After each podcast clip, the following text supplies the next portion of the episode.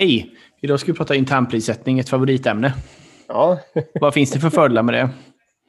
Ja, exakt. Vi tar dem. eh, Jag vet faktiskt inte ens om det här är fördelar, men jag, jag, jag, kan ju, jag har ju verkligen fått lära mig de teoretiska fördelarna med det här. Så vi ska se. Jag, jag säger dem så ska du få säga vad du tycker. Men det, det går ju så här då att eh, man får ju en kostnad. Man får, alltså det ska driva ett bra beteende. Så att om man har ett stort företag så har man en separat IT-avdelning och så har man en intern prissättning. Om det, det, kan, det skulle kunna vara något helt annat än IT också, men vi tar IT-fallet. Eh, så har man en in, alltså, intern debitering av de här eh, utvecklingen som IT-avdelningen gör. Och då ska det liksom göra så att rätt delar av ens produktfamilj liksom blir rätt dyra och så vidare.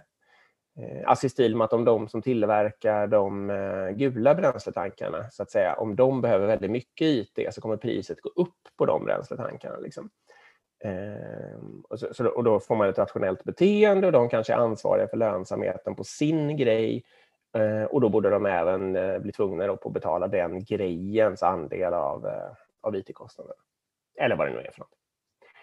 Eh, ska jag glida över lite då i att det här blir ju sällan kanske, alltså prissättning utan konkurrensutsättning då som det antagligen är om det är internt, eh, blir ju lite planekonomi alla Sovjet på något sätt Verkligen. blir, blir lite så här...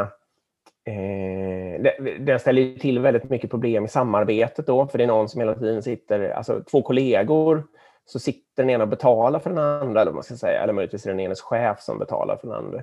Men det blir så här att om den då eh, ska fundera över något i någon dag eller något så verkar det onödigt och man kan liksom inte vara lugn. Ja, och det här klassiska dumma argumentet också att Nej, men vänta nu, om inte du gör som jag säger, då går jag och köper något annat.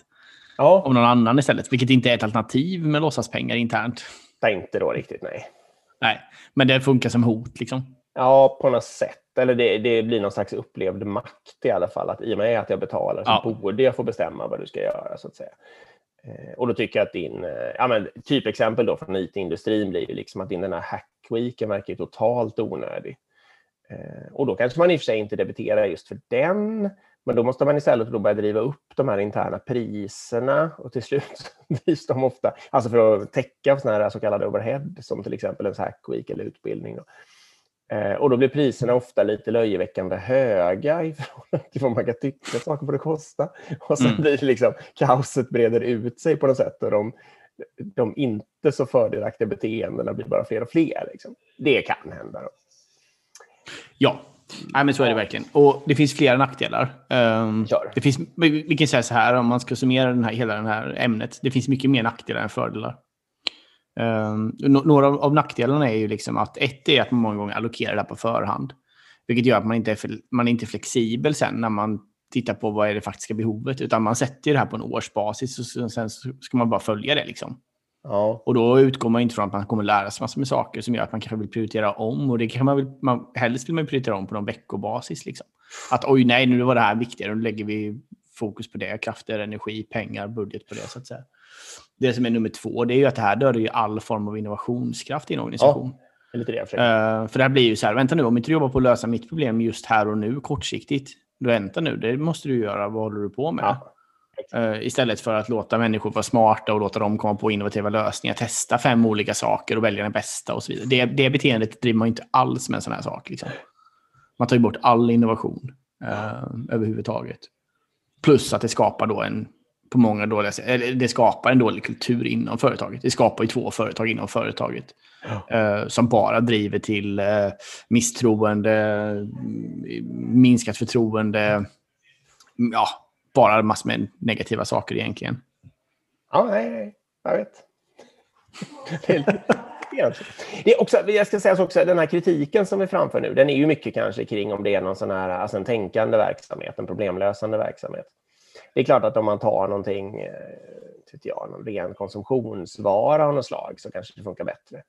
Eh, alltså där, man inte, där det heller inte är frestande att använda för mycket eller för lite, utan man använder lagom mycket.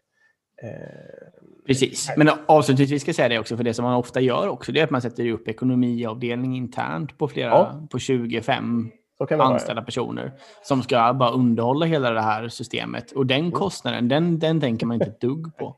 Och, och det man borde göra istället liksom, det är att använda alla, de, alla, all den här energin man lägger på det här. Alla chefer, alla timmar, alla chefer, alla de här personerna, kontrollen och allt som ska ha koll på det här.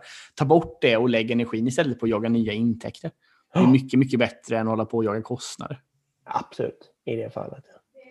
Tiden är slut. Ja, 15 minuter. Ja, det var det. Vi hörs. Ja, det gör vi. Ha det bra. Hej.